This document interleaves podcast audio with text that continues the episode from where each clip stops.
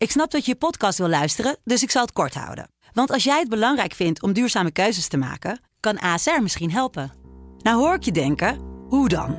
Nou, bijvoorbeeld bij het duurzaam herstellen van schade. Of de premies die we beleggen volgens ons duurzaam beleggingsbeleid. Dat bepaalt waar we wel en juist niet in investeren. Wil je meer weten over welke duurzame keuzes ASR maakt? Ga dan naar asr.nl/slash duurzame keuzes. ASR doet het. Zo, dan kan je nu lekker naar je podcast luisteren.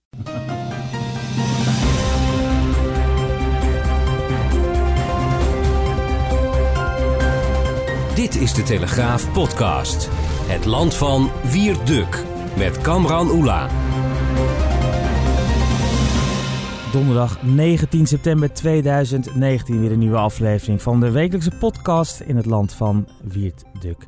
Mijn naam is Kamran Oela, nieuwschef bij de Telegraaf en uh, ook deze week behandelen we weer verschillende onderwerpen. De In Nederland pagina die heeft u mogelijk gemist vanochtend uh, in de krant en op de site, maar die komt deze week een dag later op vrijdag en, maar daar gaan we het wel vast over hebben. Dat had natuurlijk alles te maken met de moord gisteren op een uh, advocaat in uh, Amsterdam. We ontkomen er niet aan wie het om ook toch daar even mee te beginnen. Hè. Dat is Mhm. toch een beetje de staat van het land, uh, deels ook. Ja, omdat die, uh, kijk, uh, onze misdaadverslaggevers, collega's, die houden zich daar natuurlijk mee bezig. Maar zo'n moord heeft ook uh, politiek en maatschappelijk impact. Dat merk je heel sterk. En um, daardoor, zo, door zo'n zo reusachtig nieuw incident eigenlijk ontstaat een, eigenlijk een nieuwe werkelijkheid. En die heel veel mensen, merk ik, uh, in hun zorg over hè, waar het met Nederland naartoe gaat. Uh, en dat zijn altijd hele heikele uh, ontwikkelingen, omdat hè, nu gaan natuurlijk heel veel mensen zeggen van ja, zie je wel, we hebben het altijd al gezegd, die mokromafia, we kunnen nu spreken over mokromafia, want ook premier Rutte noemt het de mokromafia, die zegt er is, er is weliswaar geen Marokkanenprobleem, maar er is wel degelijk een mokromafia. Uh, die bezorgt ons niet alleen maar kopzorgen, maar die die, die, die, die forceert eigenlijk dat uh, de Nederlandse samenleving tegen een hele nieuwe werkelijkheid uh, moet aankijken. En het doet mij heel erg denken aan mijn tijd in uh, Rusland. Ik ben lang correspondent geweest in uh, Rusland en in Duitsland. En in de jaren negentig was ik correspondent in Rusland toen daar zeg maar, de staat ophield te functioneren. En werd overgenomen door allerlei uh, criminele elementen. De Sovjet-Unie was uit elkaar gevallen. Er ontstond een heel, uh, nieuw, heel nieuw land eigenlijk. En dat werd voor een heel groot deel, de, werd dat economisch, uh, financieel en ook politiek bestuurlijk overgenomen door criminele elementen. Je zag dat gewoon op straat in Rusland, in Moskou gebeuren. Je zag die gangs daar rondrijden in hun gepantserde auto's. Met, je zag mensen met wapens uh, rondlopen. En je zag ook hoe de staat niet meer de middelen had om daar tegen op te treden. Um, en ook hoe uh, die criminele netwerken infiltreren binnen de overheid en binnen de industrie en het econ economische leven compleet overnamen. Hè? En um, uh, dat was buitengewoon angstaanjagend. Ik, volgens mij heb ik hier die, die, die anekdote alles verteld dat mijn toenmalige schoonmoeder uh, bij een metrostation in een shootout uh, terechtkwam tussen gangs en daardoor anderhalf uur later uh, opkwam dagen ze zou oppassen, maar ze kwam te laat en later bleek dus dat dat was omdat ze had moeten schuilen voor zo'n voor zo'n bendeoorlog. Um, en uiteindelijk heeft zich dat alleen maar kunnen um, uiteindelijk heeft dat zich alleen maar kunnen uh, kalmeren. Heeft die samenleving kunnen kalmeren doordat een aantal van die elementen is opgenomen in het, uh, uh, hè, zoals ook al met de Italiaanse maffia in, in, de Verenigde Staten zo is gebeurd, de Ierse maffia ook, is opgenomen. Die hebben zichzelf, zeg maar, um, uh. Dus de eerste generatie criminelen is uiteindelijk, uh, die, die, die, die, die, hebben zoveel wel, welvaart, zoveel rijkdom vergaard, dat ze zich hebben ingekocht in de politiek en vervolgens zijn ze legaal geworden.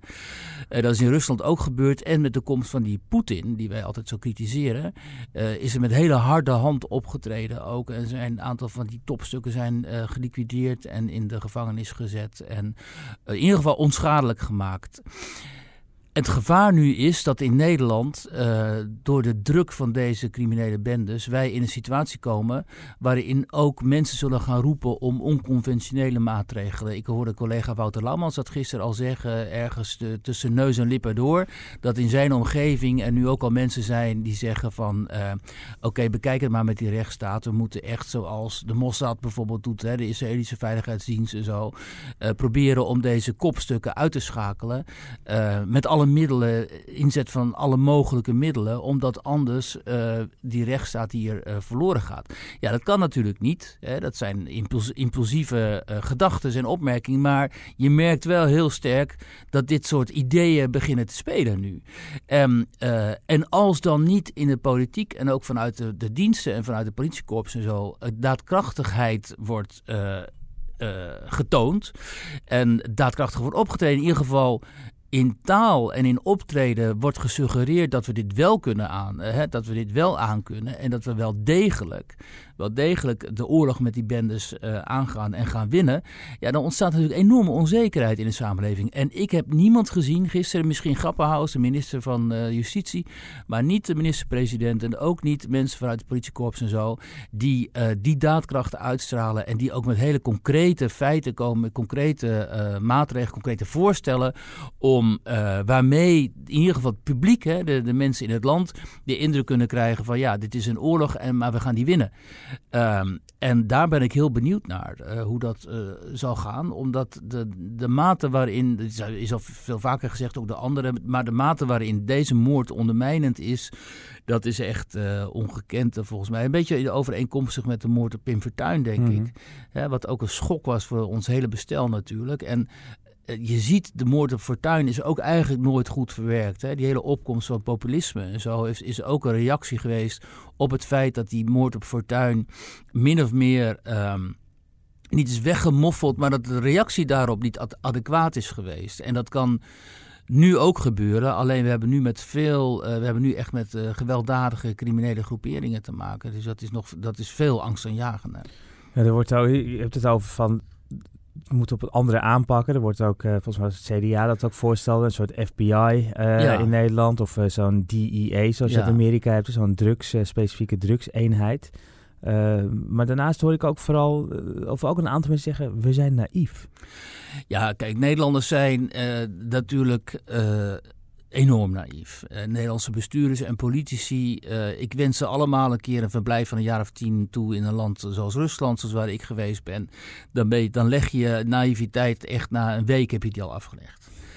Um, en dat heeft mij bij terugkeer ook zo verbijsterd eigenlijk. De totaal naïeve omgang in dit land, uh, die wordt vertegenwoordigd hè, in, in, bijvoorbeeld in die opmerking van Jesse Klaver over drugsgebruik.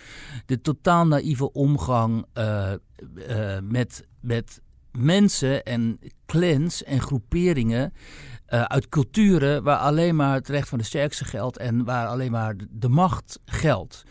En in Nederland um, is tot nog toe, en ik hoop dat dat eindelijk eens een keer gaat veranderen, is altijd het adagium geweest. Hè? We gaan met die mensen praten. We gaan, zoals Job Cohen wilde, met hen thee drinken.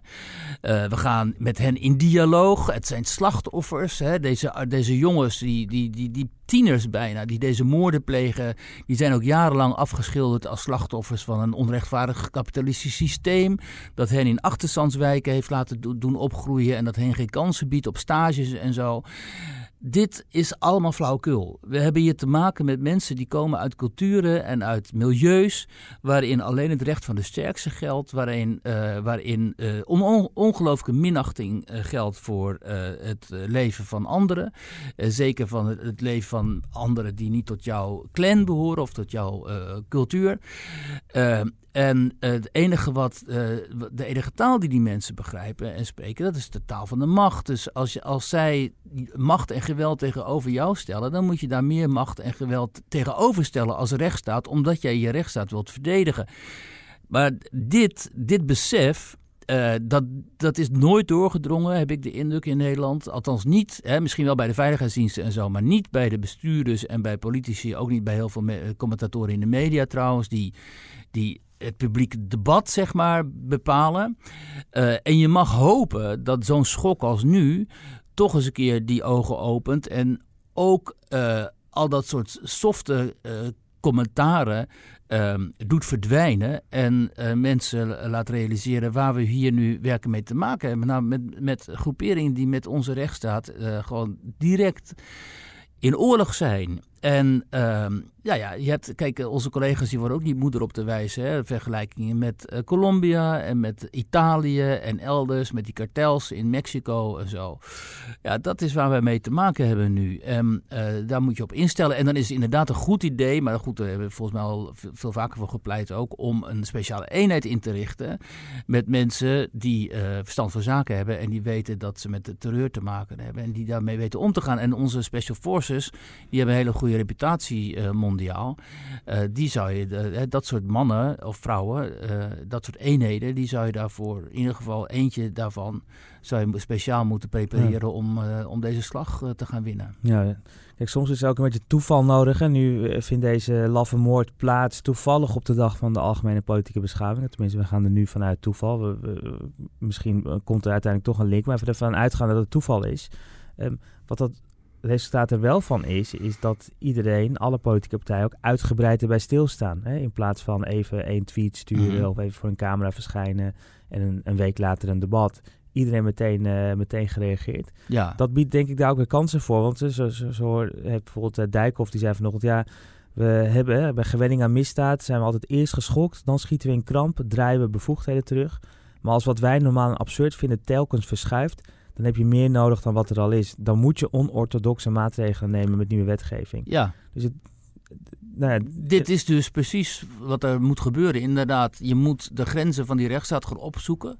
Onorthodoxe maatregelen eh, nemen. En dan daarbij nog voorkomen dat je dus niet in een situatie geraakt zoals destijds, eh, wat ik destijds gezien heb in, Rus heb, in Rusland. Waarbij de staat zelf als eh, gewelddadige actor begon op te treden. En gewoon zonder enige legitimatie mensen begon te vermoorden. Maar goed, daar was de situatie natuurlijk totaal uit de hand gelopen. Hè. Daar had eigenlijk de misdaad had daar destijds in Tsjetsjenië een hele regio overgenomen. En begon daar een separatistische oorlog tegen de Russische staat. Dus dat was nogal een, eh, een verschil. Maar vergeet niet die Tsjetsjeense bendes destijds in Moskou, die daar vrijelijk door Moskou eh, reizen, die eigenlijk de stad beheerst, hè, de Caucasische bendes, die zijn in alles overeenkomstig met wat we nu zien bij die Mhm. mokromafia. En dat is, dat is puur zwaar geweld. Je schrik je dood als je daarmee te maken krijgt. Ik heb, hè, ik heb het toen mogen zien. Eh, je weet niet wat je ziet, het geweld wat daarvan uit kan gaan. En dat, dat wij, Nederland, nog eens een keer te maken zouden krijgen met dit type crimina- criminaliteit is echt. eh, wie, had, wie had dat gedacht? Ja. En kom erop met je onorthodoxe maatregelen. Want eh, ik geef het je te doen hoor. Als je als overheid, eh, mensen als Dijkhoff en zo met die verantwoordelijkheid mm. Hiervoor komt te staan. Dat is echt eh, eh, ongekend. voor ook dat mijn eerste reflex is om te zeggen... wat vergelijk je nou echt met dat soort groeperingen? En, en tegelijkertijd Ja, als je dan denkt van wat, is, wat er gebeurd is gisteren... Ja, dan denk je, ja, dat logisch. Het zijn dezelfde. Kijk, er lag al een afgehakt hoofd. Ja. Op de, eh, hè, er is een, die, die broer is vermoord en nu wordt een advocaat vermoord. In Moskou was het destijds om de paar dagen eh, werd er een journalist vermoord. Een groot aantal journalisten is destijds vermoord. Er werden eh, eh, concurrerende bendes werden uitgemoord. Ook met dit soort, precies dit type eh, afschrikwekkende eh, maatregelen ook. Hè. Eh, video's van martelingen die dan de ronde gingen doen en zo, om mensen af te schrikken. Het is allemaal gebaseerd op krankzinnig geweld en, en, en hele heftige afschrikking.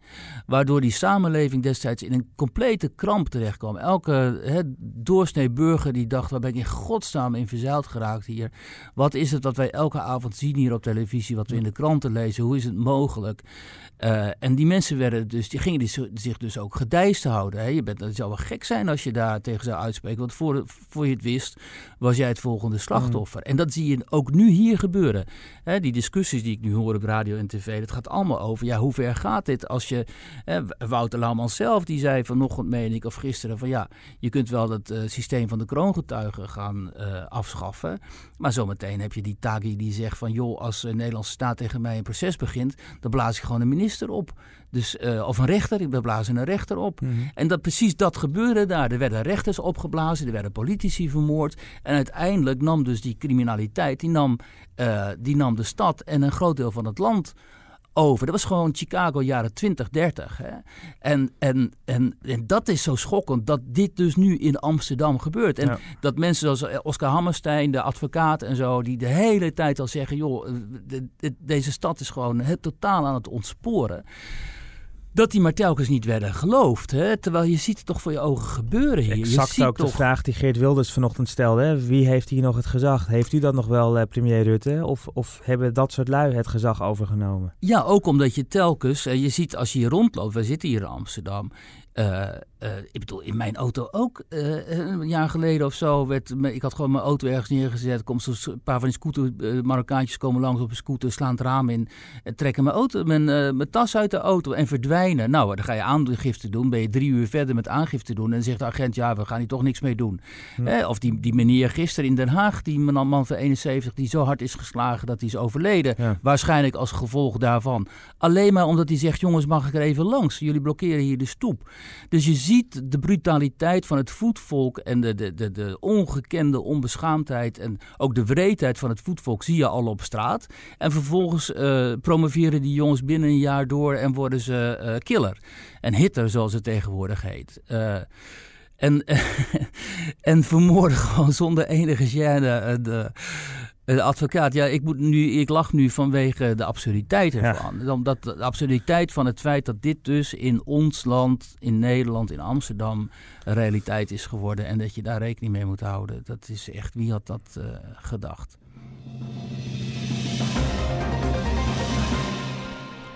Dan de algemeen politieke beschouwing. We hadden het net al even over Wiert. Want eh, eh, er werd natuurlijk stilgestaan bij die, bij die moord op de advocaat. Maar daarnaast, eh, de dagen na Prinsjesdag, wordt ook gewoon gekeken naar de, de plannen ehm, eh, van, het, van de regering. En eh, nou, de regering die zoekt goedkeuring bij een meerderheid van, eh, van de Kamer. Zoals we dat van Ja. ieder, jaar, eh, ieder jaar kennen. Nu hebben wij een eh, parlementaire redactie die alles volgt. Live op de site. eh, vanochtend ook mooi in de krant en op de site ook een eh, soort recensie van, van een ieder hoe een ieder het gedaan heeft of had. Ehm, maar er was één fragment dat me opviel waarvan ik dacht, daar moeten we het wel even over hebben. Want net had je al wat voorbeelden uit je, over je tijd eh, als Rusland-correspondent. En eh, nu ga ik je denk ik even aanspreken op je eh, tijd als Duitsland-correspondent. Ja. Want ik hoorde D66-leider of fractievoorzitter Rob Jette het volgende betogen over de toekomst van Nederland. En het is dan ook vanaf nu tijd om te bouwen aan het Nederland van over 30 jaar. En dat is wat mij betreft eigenlijk een soort Berlijn aan de Rijn. Een plek waar creativiteit in de lucht hangt. Waar radicale nieuwe ideeën worden omarmd. Waar culturen elkaar vinden. En waar de geur van optimisme de straten vult. Nederland wat het hoort te zijn. Een divers, open, dynamisch, tolerant, energiek en vrij land. Een land waar de hijskranen de wolken doorboren voor die hoognodige huizen. Een land waar de windmolens draaien. Een land met kansen, huizen en nieuwe zekerheden voor iedereen. Of u nu Kajsa, Carola, Gadisha of Mark heet. ja, sorry. Van het laatste, dat is ook... Weet je, waar koop je al die open deuren? Waar zijn die te krijgen? Het is ook echt niet te geloven, hè. Weet je wel, we gooien er nog even wat allochtone namen doorheen en zo. Ook zo leuk dat Kaisje ook allochtone naam is. Nee, het, het zijn ook gewoon de bewindspersonen, hè? Kajsa, Carola, Ja, de. Kamervoorzitter en Mark. Ja, dus, eh, Ahmed had hij ook nog even kunnen noemen, Abu Talib. Drie vrouwen Ehm, en een man, dus het ook gender balance zit er ook niet Ah. helemaal goed in. Maar eh, misschien hebben we daar zo ook nog wel even over. Maar Berlijn aan de Rijn. Ja, dan oh, echt, waar, waar halen zij hun eh, tekstschrijvers en adviseur- adviseurs vandaan? Het toeval wil dat ik ook heel lang in Berlijn heb gewoond en er nog regelmatig kom en daar gewerkt heb als correspondent. En als je nou één stad niet als voorbeeld moet nemen voor wat dan ook, dan is dat dus Berlijn. Had hij nou München genoemd of Hamburg of zo, oké, prima. Maar Berlijn, ik zal je zeggen, Berlijn is failliet al jaren. Het is straatarm. De werkloosheid is enorm daar. Hè. Die schommelt de hele zo rond de 10%, maar is eigenlijk veel groter. De woningmarkt is, eh, zit op slot en is eh, totaal overspannen. Eh, Uh, het is een multiculturele mislukking. Dus je kunt wel zeggen van uh, het is een diverse stad en zo. Uh, Berlijn heeft een aantal notoren ghetto's zoals Neukölln, ook delen van Kreuzberg en zo. die heel, verder heel interessant zijn hoor, om daar rond te lopen. Omdat je dan, dan hoef je niet meer naar Turkije te vliegen, want dan ben je gewoon in Turkije. Um, die, die, die delen van de stad die zijn in de handen van Arabische clans. Dat is mhm. ook uitgebreid gedocumenteerd. Dat zijn vaak Libanese clans, maar ook andere die zich van de rechtsstaat helemaal niets aantrekken. En uh, van de, van de Berlijnse politie ook niet. En een ander deel van de stad is, uh, voor een, is in handen van uh, extreem linkse antifa-krakers die uh, de traditie genoeg inscheppen om op 1 mei auto's in de fik te steken en overigens ook gewoon door die stad te lopen en te rellen. Dus Berlijn is een hele leuke stad als je hipster bent die ervan houdt om in een café in Miete exotische drankjes te drinken of heel goedkoop ergens te eten en zo. Maar dit moet niet ons voorland zijn, omdat ook in Duitsland Berlijn juist geldt als een stad die weliswaar uh, waar, je, waar je heel vrij kunt leven, omdat het ook vrij goedkoop is en zo daar, maar die totaal niet uh, voldoet aan de eisen van de moderniteit. Ik zou je zeggen, als je in een Berlijns burgerambt, en dit zal ik vooral D66 voorhouden. Als je in een Berlijns zoals het heet, een afspraak wilt maken om je verhuizing te regelen, mhm. dan kan dat niet online, zoals dat in Nederland kan. Want Nederland is daarin fantastisch namelijk. Dan moet je een afspraak maken. Die afspraak die kun je dan meestal maken over een week of drie, vier of vijf. En dan kom je daar en dan moet je nog twee uur wachten, minstens, omdat de, die, die ambtenaren daar gaan pauzeren terwijl jij daar net bent en zo. En ze geen moer aantrekken van het feit dat jij een afspraak hebt. En dit is zo ernstig dat er op een gegeven moment een handel begon in online afspraken. Dus mensen die dan online afspraak hadden gemaakt en die zeggen, ja, maar ik wil het eigenlijk een week eerder, die konden dan hun online afspraak van over drie weken gaan verkopen aan mensen die online afspraak hadden gemaakt. Dus over een week of zo. Dus dat zijn gewoon Sovjet-toestanden. Dat is gewoon hè, wat je in de Sovjet-Unie uh, en in Rusland had. Dus Berlijn is zo'n ontzettend slecht voorbeeld. En ik vraag me dan echt af. Hoe, hoe komen ze daar bij D66 nou bij? Hè? Het was ook gewoon echt veel leuker geweest. Zoals je had gezegd, nou, München of zo. Ja. Daar functioneert het namelijk wel heel goed. Maar goed, het is ook een peperdure stad. En, uh, uh, het, het, het, rijmt niet op, uh, op Rijn. En het rijmt niet op Rijn. Maar, en, ja. en misschien is hij wel deze zomer met de trein naar Berlijn geweest. Ik, kijk, ik denk, dat vrees, dat vrees ik dus, omdat dat zou betekenen dat politici echt in een bubbel zitten. Mhm. Ik vrees dus dat Rob Jetten naar Berlijn is geweest en daar in het, in het stadshart van de stad... Een geweldige stad om een paar dagen naartoe precies, te gaan. Uh, een hele fijne tijd heeft gehad. Uh, Bruisend. En, rond die Potsdamer Platz en zo, hè, wat allemaal heel modern is en zo. En niet die oude wijken of die andere Goedkoop, wijken is voor een tientje gaan lekker eten en een cocktail erbij. Al die dingen en heeft gedacht, het is... hè, en met wat jongeren heeft gesproken die daar start-ups zijn begonnen en zo. En heeft gedacht, is een hele toffe stad dit.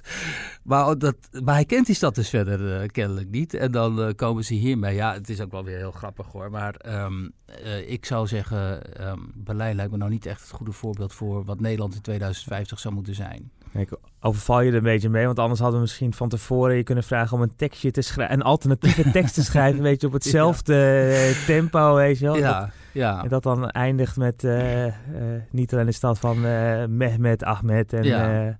nou, maar weet je, het, het, is natuurlijk, kijk, we kunnen hier we kunnen er lacherig over doen. maar dit is ook een stad waarin op heel veel scholen leerlingen of leraren eigenlijk al hebben opgegeven om die leerlingen uit de zwakkere wijken te onderwijzen in zoiets als burgerschap. Omdat mhm. heel veel onderwerpen daar uh, taboe zijn geworden. Dat weet ik omdat mijn dochter daar op een zwarte school heeft gezeten. Mm. En het allemaal aan de lijf heeft ondervonden. Waarin heel veel druk op de kinderen die niet um, uh, islamitisch zijn, of meisjes vooral, wordt uitgeoefend op die scholen om het, ofwel zich te bekeren of zich in ieder geval kuisen te kleden. Hè? Mijn dochter heeft zich ook jarenlang gewoon kuiser gekleed dan ze zou willen, omdat ze anders op die school uh, werd nagefloten en uh, nagesist. Um, en, dat, dat, uh, en ook op straat hè, geldt dat in een aantal van die wijken. En kijk, dat is de realiteit van zo'n grote stad. Uh, en dat is een heel ander beeld natuurlijk dan dat positieve beeld over diversiteit dat hier altijd maar wordt geschetst. Ja. Dat is gewoon een waanbeeld. Ik hoorde trouwens ook nog een ander plan uh, bij D66 uh, op, uh, opdoemen. Ik ben vergeten welk Kamerlid nou daarmee kwam. Misschien Vera Bergkamp. Ehm, maar dat ging over, over het aantal, aantal mensen die, vrouwen, die in de top zitten van, van bedrijven. Mm. met name beursgenoteerde bedrijven. Als een, een, een voorstel is als zij niet meer dan 30% vrouwen aan de top hebben, uh, en ze krijgen dan acht jaar ervoor om dat te regelen. Als dat niet geregeld is, dan worden daarna benoemingen van mannen nietig verklaard. Oh, dus je nou wordt gewoon ontslagen als je dan man bent, want je had dan vrouw moeten zijn. Nou ja, dan denk ik, waar bemoeit de overheid zich mee? Ten eerste. En bovendien uh, is telkens weer, blijkt uit onderzoek, dat er gewoon niet zoveel vrouwen te vinden zijn voor dat soort functies. Omdat heel veel vrouwen tevreden zijn met wat ze doen. En vaak ook niet uh, helemaal geen zin hebben om zo keihard zich uit te uit de na te moeten werken, zoals eh, CEO's uh, vaak uh, wel moeten. En dus het aanbod is gewoon vaak helemaal niet zo groot. Mm -hmm. En om dan dit soort verplichtingen op te gaan leggen, ja, dat, ik ben daar heel erg, heel erg op tegen. Ja. Maar dat, ik dacht even over die gendergelijkheid te beginnen. Dat, dat, is natuurlijk wel weer tenenkrommend dat het weer... Hè, dat, er wordt altijd verweten dat het... We, we, mogen het niet meer eigenlijk over gender hebben, man-vrouw. En iedere keer komen er weer plannen voorbij. Ja. Waarbij dan weer heel erg de nadruk op wordt gelegd op, op man-vrouw. Ja, en die heel discriminerend zijn dan weer voor mannen. Nou ja, en misschien ook wel voor vrouwen. Ja, er zijn natuurlijk ook steeds meer vrouwen die zeggen: ja, wij willen niet uh, profiteren van een topfunctie omdat, uh, omdat er een quotum uh, is ingesteld. Hè. We willen gewoon op eigen merites, eigen verdiensten zo'n baan krijgen. en ja, nogmaals, ik geloof heus wel hè, dat er bij bepaalde functies mannen worden voorgetrokken of vrouwen dan misschien sterke vrouwen als bedreigend worden ervaren door zo'n peloton aan mannen en dat ze daardoor zo'n functie niet krijgt en zo. maar ik zou toch denken, als je een intelligent bedrijf hebt en je weet precies in te schatten wat de kwaliteiten van iemand is. En daar dient zich een capabele vrouw aan. Die die kwaliteit heeft die jij zoekt. Dan kies je die vrouw hoor. En uh, ik, ik ken eigenlijk niet anders. Nee. Uh, dus uh, ik vind dit ook altijd van die schijngevechten eerlijk gezegd. Nou, misschien moeten wij ook hier zoeken. Ja, kijk, het land van Wierduk, dus we kunnen Wierd niet, daar kunnen we geen vrouw van maken. Maar we nee. kunnen wel een vrouwelijke presentator neerzetten als ik er niet ben. Misschien ja, moeten we daar ook maar eens even naar gaan zoeken. Ja, dat, ja. Uh, nou, da, daar zijn al achter jouw rugplannen over gesmeten. Kan, nee hoor, maar oh, dat zou een heel goed idee zijn om dan eens een keer een vrouwelijke presentator... Waarom niet? Die zijn, die zijn er hier ook wel. Nou ja, dat, kijk, dan is het toch ook weer een beetje, een beetje goed nieuws. Ja. Jesse Klaver zou er nog uh, oh? over praten. Oh? Omdat Jesse zichzelf een loser vindt die... Uh, nooit drugs heeft gebruikt. Ja. En dat vonden wij een heel, heel merkwaardig moment. Ja. Althans, daar, daarover ging het ook. Ik neem het nu even over. Uh, dat ging over de redactie. Een aantal mensen hier was zeer ontstemd over het feit dat, Jessica, dat bij GroenLinks kennelijk de mentaliteit heerst dat wanneer je geen ervaring hebt met drugs, dat je dan geldt als een loser. En Jesse Klaver die heeft het gisteren gezegd in de Kamer. Op de dag dus dat de advocaat, uh, die natuurlijk ook uh, in die, met die drugsproblematiek mm. te maken heeft, uh, werd doodgeschoten. En dat, dat lijkt toch wel zeer ongepast. En los daarvan, wat geef je voor voorbeeld als politicus, met een voorbeeldfunctie als rolmodel, ook veel voor jongeren, als jij zegt dat je geldt als loser in jouw partij omdat je geen ervaring hebt met drugs? Uh, wij moeten, en dat is dan mijn eigen hang-up een beetje, we moeten echt eens een keer stoppen met die normalisering van drugs. Drug, drugs zijn niet normaal. Drugs maken van uh, normale mensen juist vaak gewoon hele rare mensen die hele rare dingen doen. En uh, ze tasten bovendien je hersens aan als je op jonge leeftijd begint met drugs. Hè. veel te veel jongeren heb ik gezien die enorm begonnen te blowen en van al die wiet en zo uiteindelijk psychotisch raakten en mm. zo. Dus wij moeten, ik, ik gun iedereen, ieder mens zijn een drugsmoment, maar dat moet niet zo zijn dat in de publieke opinie en in de commentaren en in de politiek uh, reclame voor drugs wordt gemaakt. Er moet mhm. gewoon, als politicus heb jij de verantwoordelijkheid om te zeggen, jongens, drugs tast van alles in je lichaam aan en in je hersenen en blijf er in godsnaam van af. En als je toch drugs wil gebruiken, eh, doe dat dan, maar ga dat niet promoten bij je kinderen en bij jongeren en bij, bij anderen. En zet jezelf niet neer als een loser als jij uh, gewoon kennelijk de kracht hebt gehad om in je leven niet aan die druk, aan die druk met een K ja. uh, uh, toe te geven en geen drugs te gebruiken. Zeg juist van kijk eens, ik ben een moreel voorbeeld, want ik heb geen ervaring met drugs, terwijl zoveel mensen op links kennelijk bij GroenLinks uh, drugs uh, allemaal maar oké okay vinden. Dat zou het vertoog, zoals het heet, moeten zijn. En het is gewoon bizar in Nederland dat uh, onder de invloed van allerlei lobby's voor legalisering van drugs en zo, uh, notabene tot in de Tweede Kamer op deze manier ja. over drugs wordt gesproken. Goed, dat wilde ik even gezegd Ja, het is ook vandaag, uh, las een kop in de, in de NRC. Kamer voor af, afschuwt moord, maar doet lacherig over eigen drugsgebruik. En dat is eigenlijk precies wel, hè, wat, wat, wat, jij ook, wat jij ook eigenlijk zegt. Dat, die, die twee kanten, dat is eigenlijk bijna niet te rijmen op de dag ja. dat we moord hebben die in, op alles wijst dat het te maken heeft met de, de drugsproblematiek in, uh, in, in Nederland. Ja, ik weet ook niet hoe het jullie vergaan, maar ik vind het altijd, altijd een ontzettend sneu beeld als ik dan zo'n vent met een pak of zo'n vrouw in een mantelpak zo'n lijn kook in hun neus zie, zie, zie, zie, zie ja. wurmen, weet je. Dan denk ik, dat zijn toch de losers, hallo? Dat ze die kook nodig hebben en die, die de hele tijd gesnuift met hun neus. Ja, zo. ik, ik, zie dat, moet ik eerlijk bekennen, niet, uh, niet heel vaak. Maar ik, uh, nou, let maar eens goed op. Maar ik, maar ik, ik kan, want je doet een uh, moreel appel. maar ik, ik kan hier wel zeggen dat ik jarenlang ook een beetje... Dus ik snap Jesse Klaver in dit geval heel goed. Dat ik ook een beetje dacht dat ik een loser was. Want ik ben dus ook zo een Jesse Klaver. Ja. Die nog nooit, uh, dat ik dat ooit zou zeggen, die nooit uh, drugs heeft gebruikt. Maar ik nou, denk wel dat ik inmiddels wel kan zeggen dat ik er trots op uh, ben. Hoewel ik wel de afspraak had met de schoolvrienden dat ik een jointje, dat we zouden gaan blowen uh, als ik uh, eindexamen, als we allemaal ons eindexamen zouden halen. Ja. Die afspraak staat 18 jaar later nog steeds. Maar ik uh, denk dat we er gewoon nooit meer maar gaan ga innen. Nou, ik kan uit eigen ervaring zeggen hoe verschrikkelijk de, de wiet met je hersenen kan tekeer gaan. Dus ik heb mijn dochter ook, mijn kinderen uitdrukkelijk verboden om daar ooit op in te gaan. Op, hmm.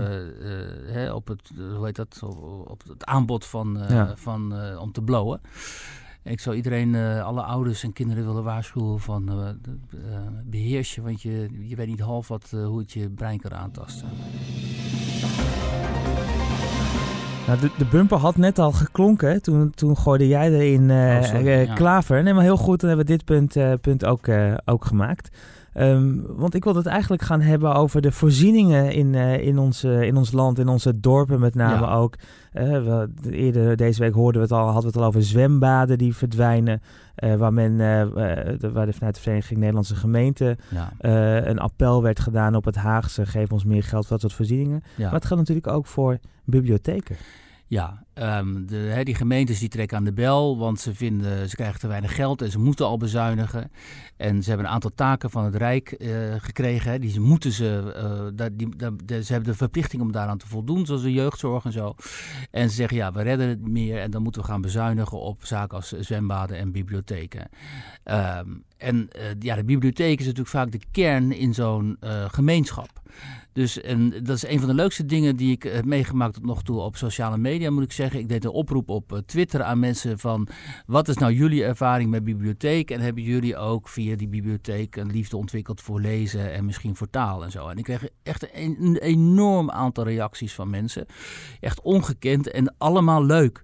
Dus allemaal in de zin van, ja, die bibliotheek bij ons in het dorp heeft zoveel voor mij betekend. Ik heb die hele bibliotheek leeg gelezen, weet je. We gingen op woensdagmiddag en op woensdagavond had ik die boek al uit. En dan, dus al die mensen, en ik ken die ervaring. Um, wij woonden als kinderen in, in Domburg in Zeeland. En daar had je de Volksbibliotheek. En die had een waanzinnige stripcollectie. Hm. Dus al die Suske en Wiskus en, en, en, en Asterix en Obelix. En ook al die andere echte comics en zo. Dus mijn broer en ik die gingen daar op vrijdagavond, meen ik, dat donderdag, vrijdag, nou, vrijdagavond naartoe. En dan met zo'n zaklamp las je die s'nachts dan uit. En de volgende ochtend had je al die strips alweer uit en zo. En het heeft ons enorm gevormd ook in, in het, uh, in, gewoon in onze uh, leeskennis. hè? de, de we konden lezen voordat we naar de lagere school gingen en zo. En heel veel mensen delen die ervaring. En um, dat is ook zo leuk. Um, er is onderzoek geweest naar uh, bibliotheken, de ervaring van Nederlanders met bibliotheken. En 98% van de mensen die daarop antwoorden is dan heel positief. Dus dan zou het toch doodzonde zijn als die uh, bibliotheken moeten verdwijnen. En nu heb ik morgen een stuk in de krant daarover, waarin onder andere ook uh, aan de orde komt hoe je bibliotheken natuurlijk moderner kunt maken. Hè, kunt uh, vermengen met allerlei andere functies binnen de stad. Dus gewoon in het stadhuis. Soort forum. In Zoetermeer heb je dan zo'n forum waarin dan zowel de, de, de, de, stedelijke functies als die van allerlei andere organisaties zijn ondergebracht. Samen met de bibliotheek. Ik ben daar geweest en dan zie je inderdaad ook dat het echt heel goed loopt. Hè. Er is daar een café. Mensen komen daar. Je ziet daar mensen die dan met statushouders bijvoorbeeld uh, bezig zijn om hen Nederlands te leren en zo. Dus binnen die gemeenschap speelt dat um, een hele uh, belangrijke rol. Mm. En doordat, nou ja, wij willen toch allemaal tegenwoordig die verdwijnende gemeenschapszin eigenlijk weer stimuleren. Ja. En proberen om mensen bij elkaar te brengen en te verbinden. En dat wordt dan ook gezegd als laatste dan uh, door een mevrouw van de Vereniging van uh, Bibliotheken. Die zegt van ja, de bibliotheek is eigenlijk de enige plek waar nog uh, alles samenkomt. Dus jong en oud, allochtoon, autochtoon, mannen, vrouwen, al, die hè, lage, hoog opgeleid um, en hogere, lagere klassen. Dus verder leeft iedereen tegenwoordig min of meer in zijn eigen bubbel. Terwijl in die bibliotheek, daar komen die mensen nog allemaal met, min of meer met elkaar in aanraking. Ja. En misschien is dat wel heel idyllisch beschreven, maar ja. Uh, het is wel een beetje zo. Dus mm -hmm. die oproep om zo min mogelijk bibliotheken te sluiten lijkt me wel uh, valide eigenlijk. Ja, ja en, en, los van de gemeenschapszin. alleen al is het om lezen te blijven stimuleren, zeker bij jonge mensen. Ja, omdat je, hè, dat lezen toch ook steeds vaker, zijn nog veel te veel laaggeletterden in Nederland. En heel veel jongeren die van de lagere school komen, die kunnen eigenlijk nauwelijks lezen en schrijven. Hmm. En die moeten toch ook op een gegeven moment op die arbeidsmarkt uh, iets gaan doen. Ja, dus je zou willen dat, inderdaad, dat, dat ze daarin toch wel beter onderlegd uh, werden. Uitgebreid vanaf vrijdag in de krant en op de website van de Telegraaf. in Nederland eenmalig op de, op de vrijdag. Wie het we zijn er weer doorheen. Althans door de onderwerpen die we besproken hadden uh, en, en, die er zelfs bij zijn gekomen. Nog iets wat uh, van het hart moet? Nee, volgens mij hebben we al het ongenoegen weer uh, kunnen spuien. Heb je, heb je genoten Dat van... is wel een dingetje van, het moet niet, niet te vaak zo... Heb, heb, je wel genoten ook van, van de diepe spijt van Justin Trudeau? Uh, ja, dat is ook weer zoiets. Justin Trudeau, die dus internationaal het uithangbord is eigenlijk van de Social Justice Warrior beweging. Canadese premier voor de mensen die hem niet, uh, niet kennen. Ja, politiek correcter dan hij uh, bestaat eigenlijk niet. Nee. Hè? Uh, voorbeeld voor Jesse, Kla Jesse Klaver en anderen en zo. Die blijkt nu dus lang geleden, 18 jaar geleden, ook eens een keer op een verkleed partijtje zijn gezicht bruin te hebben gesminkt. En dat krijgt hij nou uh, met full force uh, terug in zijn gezicht. Want ja, iemand die zo correct is als Justin Trudeau, ja, die mag natuurlijk niet zo'n enorme fout begaan. Nee, hè? Door kan het? Blackface uh, in de Verenigde Staten of Canada is, het, is, is, is natuurlijk verschrikkelijk. En Volgens mij is het nu een veertiger, dus dat was toen ergens een midden twintig waarschijnlijk ja, ergens. Weet je, hoe, hoe, hoe, het is natuurlijk, en nou heeft hij dus 28. staand in een vliegtuig, dat is ook weer zo'n ding. Staand in een vliegtuig heeft hij dus excuses aangeboden voor die grote misstap die hij destijds heeft begaan. Maar ja, nu is er weer gedoe over dat hij dat in een vliegtuig doet. En heeft die man dan geen vliegschaam. Ja. Dus, dus je doet het nooit goed. en het is wel grappig dat mensen als Justin Trudeau, die altijd zo met hun vinger iedereen de les staan te lezen over hoe je netjes en keurig en politiek correct moet zijn. Ja, die hebben natuurlijk ook een verleden vol met dit soort incidenten. Ja. En dat komt altijd naar boven. Dat wordt er altijd door de oppositie natuurlijk uitgespeeld. En uh, dat is dan wel grappig om dat nu uh, te zien gebeuren. Ja. Maar ik, ik, ik vind het dan ook waar, weet je wel, diepe spijt. Kom op, man. Ja, je stel je ook, niet zo aan, inderdaad. Ja, je kan toch ook gewoon zeggen van, ja, uh, dingen zijn veranderd. Toen, uh, weet je, toen besefte ik ook niet dat ik hier met mensen kwetste of dat ik het... Weet je, je kan het ook gewoon uitleggen. ja, als hij nou zou zeggen van, joh, hè, we zijn nu 18 jaar verder en nu is er inderdaad een beweging die vindt dat we hierdoor gekwetst moeten zijn. En, uh, maar dat, dat wisten wij, dat, dat bestond toen eigenlijk helemaal niet. Nee. Dus waar gaat dit over? Maar ja, nu voegt hij zich dus in het koor van die mensen die eigenlijk de geschiedenis ook willen herschrijven. En die mensen helemaal gaan nachecken op hun persoonlijke geschiedenis. Of ze daar misstappen hebben begaan ja. die wij nu kennelijk, althans zij, als misstappen zien. Terwijl destijds vond men dat totaal onschuldig. He, dat is net zoals met het woord neger dat wij vroeger gewoon konden gebruiken. Ja. En dat nu, nu uh, niet meer gebruikt mag worden. Nou ja, stel dat, dat wij dan vroeger dat wel hebben gebruikt. Ja. Dat we daar dan nu op afgerekend worden of zo. Dus ja. uh, wat is dit voor flauwekul? Uh, zometeen mag je helemaal niks ooit meer gezegd nee, hebben in je leven. Dus je hele biografie is dan dus gewoon blanco of, of, of leeg. En ongetwijfeld doen wij vandaag ook weer dingen die met de kennis van over twintig jaar totaal onge ongepast waren. Ja, ja, precies. Dus ja. Je, dat, dat, dat, dit soort uh, politiek correct zijn in, in hindsight is natuurlijk onmogelijk. Je maakt het mensen onmogelijk om nog een vrij leven te leiden. En kijk, en daarom is het weer zo typisch. Dit is een leuke anekdote, maar daarachter schuilt iets heel totalitairs mm. natuurlijk. En dat, dat, nou ja, we laten ook niet na telkens om hier daarvoor te waarschuwen. Maar de beweging die daarachter schuil gaat, is natuurlijk heel angstaanjagend eigenlijk. Ik vrees als wij in Berlijn aan de Rijn wonen, dat ik dan excuus moet maken voor al, allerlei dingen die ik nu vandaag gezegd ja, heb. Ja, dat denk ik ook. Dat, ja. Uh, ja, tuurlijk, want dan krijg je, jij bent fan van Ajax. En Ajax heeft supporters die zich voordoen als Joden. En dan krijg je dat. Hè, Oh ja. van, zie je wel, die, hoe kon je fan van Ajax zijn? Want die waren immers destijds zo eh, pro-Joods of zo, of pro-Israël. En die club Ja. is vernoemd naar iemand, naar Ajax. Die zal ook wel weer... Ja, die eh, waarschijnlijk ook al- vast allemaal mensen vermoord die niet... eh? Precies, dat was eh, geweld. Ja, die pro pro propageerde geweld. Ja, laten we mee stoppen, want we kunnen het alleen maar erger maken. Oké. Wiert, dankjewel. Volgende volgende week. week. Dan zijn we er weer. Tot dan. Dankjewel. Dag.